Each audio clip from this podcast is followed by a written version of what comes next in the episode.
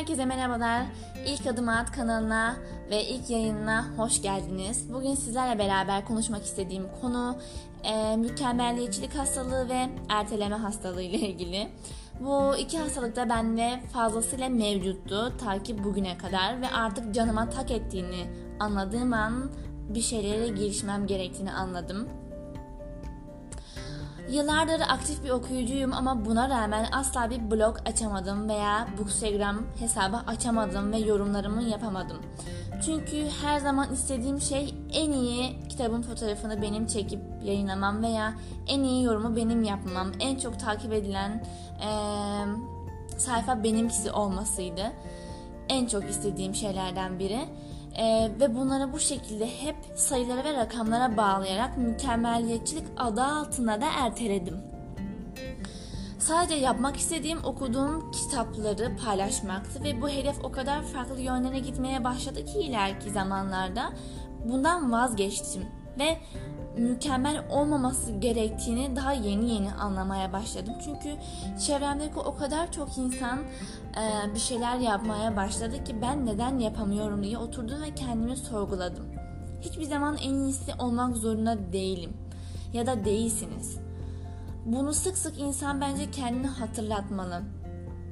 Yani sürekli olarak her şeyin en iyisine sahip olmak zorunda değiliz. Sadece bu hobini gerçekleştirmen gerekiyordu diyorum kendi kendime ve bunu yapmadın yıllardır. Ben de bunları konuşabileceğim bir yayın açmak istedim sizlerle. Aynı durumdan durumdan muzdarip olanlarınız var mı bilmiyorum. Aynı şekilde bu podcastlerde de birçoğunda takıldığım kelimeler, yanlış söylediğim telaffuzlar olabilir. O yüzden bu şekilde ilerlemek istiyorum. Mükemmel olmadan, en iyisi olmadan sadece fikirlerimi paylaşmak istiyorum.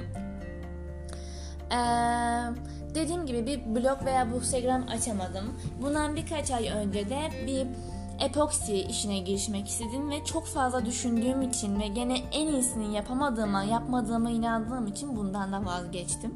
Ve erteledim ileriki bir boyut için, ileriki bir zaman için.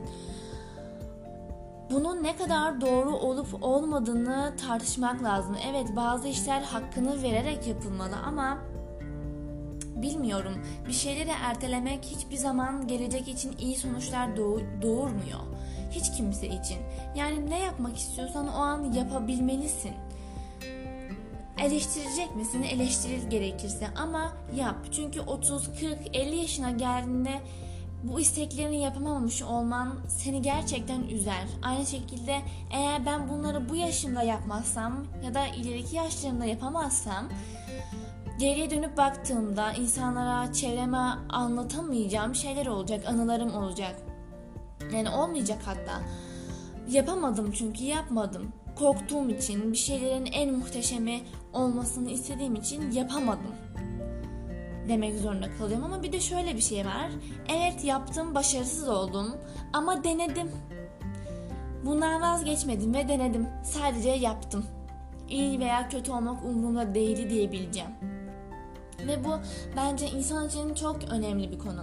Pişmanlık olayı çok önemli bir konu. Yani keşke demeden yaşamak, pişman olmamak önemli. Tabii ki her zaman insanın hayatı boyunca keşke diyeceği şeyler olacaktır. İnsan gücünün ulaşamayacağı şeyler olacaktır ama her şeyden önce pişmanlık bence çok önemli bir kavram gibi geliyor bana. Yani geriye dönüp baktığınızda o sancılı zamanları hatırlamaktansa bir şeyleri yapabilmenin ama başarısız olduğunu görebilmenin bence iyi bir erdem olduğunu inanıyorum ben. Bunun haricinde sizinle paylaşmak istediğim e, diğer bir konu bence mükemmelliyetçilik ve e, bir şeyleri erteleme konusunu bağdaştırdığım üçüncü bir kavram da e, sosyal medya. Sosyal medyanın da çok fazla etkisi olduğunu inanıyorum. İnsanların bir şeyleri ertelemesini ve bir şeyleri mükemmel yapmaya çalışmasında. Çünkü yaptığımız gün içinde içtiğimiz bir kahvenin bile fotoğrafını çekerken e, galerimizde neredeyse 50 tane taslak oluyor. Hangisi daha iyi çıkmış, hangisi daha kötü çıkmış, hangisini paylaşalım, hangisini arkadaşımıza gönderelim ya da hangisini sevgilimize gönderelim, hangisini paylaşalım eşle dostla diye düşünüyoruz. Bu tamamen mükemmeliyetçiliğin bilinçaltına yerleşme şekli. Tamamen bu. Mükemmel değilsen sınıfın dışındasın gibi hissediyorsun çünkü. Güzel bir saçın, kaşın yoksa mükemmel değilsen sanki sınıfın dışındaymışsın gibi hissettiriliyor. Yani bir insan eğer o kitabı okuduğunu Instagram'da paylaşmazsa ya da Twitter'da paylaşmazsa o kitabı okumamış oluyor. Bu şekilde düşünülüyor çünkü. Ya da bunu başka insanların beğenmesi için yapıyor. Yani bu kavramın kesinlikle ertelemeyi ve e, mu- mu- muhteşemcilik, mükemmellik kavramına çok büyük etkisi olduğunu düşünüyorum. Bugünkü konumuz bu kadardı. E, fikirlerinizi bana ulaştırmak için İlayda 2 ve 2 alt ile at iletebilirsiniz. Çok sağ olun.